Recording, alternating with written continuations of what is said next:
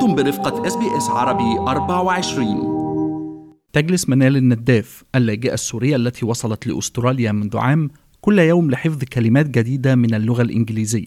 منال انتقلت لأستراليا مع ابنتها وزوجها منذ قرابة العام وهي تسعى لإكمال دراستها في أستراليا. أهم شيء إنه واحد يكفي يعني العلم. وهون إن شاء الله عندي طموح يعني إنه بس خلص لغة رح أفوت على جامعة. بحب يعني أكثر شيء القانون يعني أدرس في القانون وهيك. مع بداية الحرب في سوريا انتقلت منال التي تبلغ من العمر 32 عاما إلى العراق. ومن هناك قدمت على اللجوء لأستراليا وانتقلت مع أسرتها الصغيرة إلى ملبورن. رحلة اللجوء لمنال كانت قصيرة وتركت عندها انطباعا جيدا عن أستراليا. نحن بس اجينا لهون كتير تغيرت علينا الحياة كثير يعني شفنا كتير في فرق بالحياة بالمعيشة بكتير شغلات يعني. عرفنا إنه هون أستراليا هي بلدنا دائما. هي أول معنى للاستقرار يعني. حسينا إنه خلص نحن هي بلدنا هون. يعمل زوج منال حاليا في قطاع البناء والتشييد ويدرس ليدخل الجامعة. تسعى الأسرة الصغيرة لتحقيق حلم الأسرة هنا.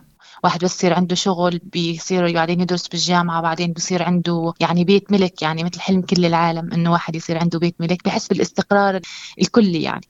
على النقيض ترى منار غنيم اللاجئة السورية التي جاءت بالقارب عام 2013 أن أستراليا عاملتها وأسرتها بشكل ظالم.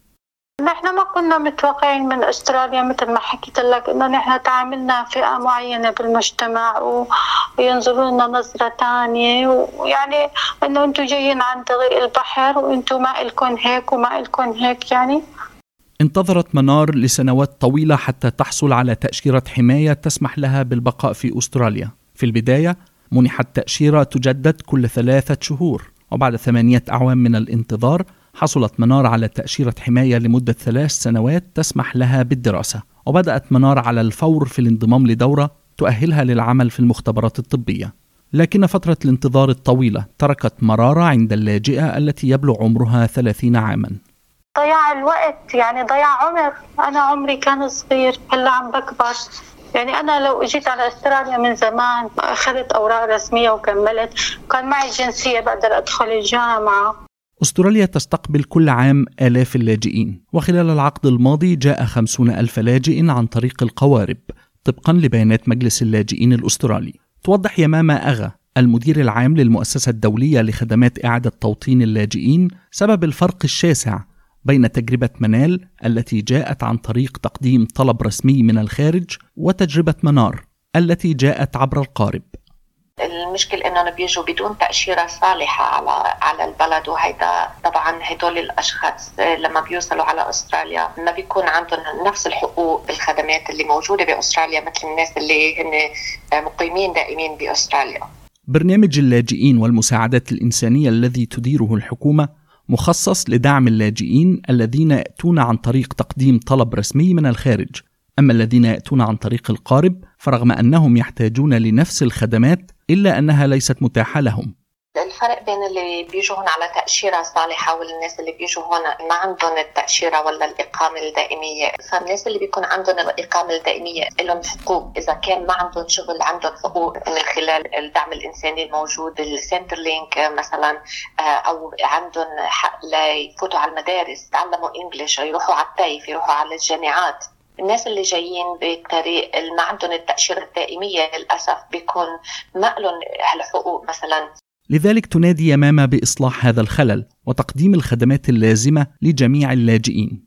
تتمحور حياة منال وزوجها حول ابنتهما نانسي التي تبلغ من العمر أربعة أعوام. في السابق ساءت حالة نانسي بسبب ظروف الحرب والانتقال لأربيل كما تروي أمها.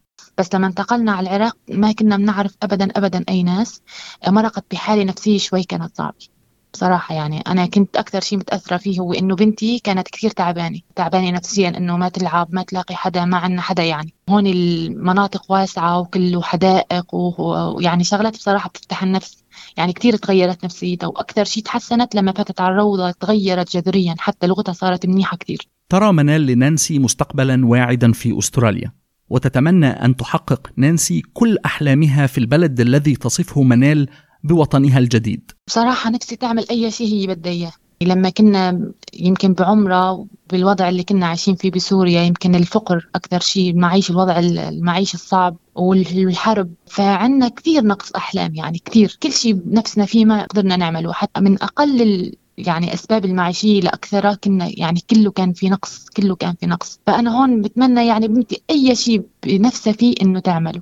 على الجهة المقابلة تسعى منار لترك أستراليا فقد تزوجت لكنها لا تحب الحديث عن حياتها الأسرية. على الرغم من ذلك تؤكد أن رحيلها عن أستراليا بسبب تعقيدات عملية اللجوء والاستقرار فيها. وستنضم في المستقبل القريب لزوجها المقيم في نيوزيلندا بعد أن خاب أملها في البلد الذي لجأت إليه لكنها اكتشفت أن لديه رفض للاجئي القوارب.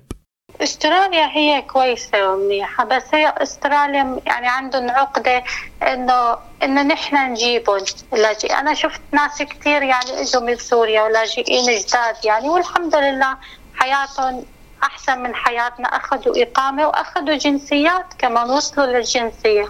هذا التقرير من إعداد وتقديم علي البهنساوي. هل تريدون الاستماع إلى المزيد من هذه القصص؟ استمعوا من خلال أبل بودكاست، جوجل بودكاست، سبوتيفاي أو من أينما تحصلون على البودكاست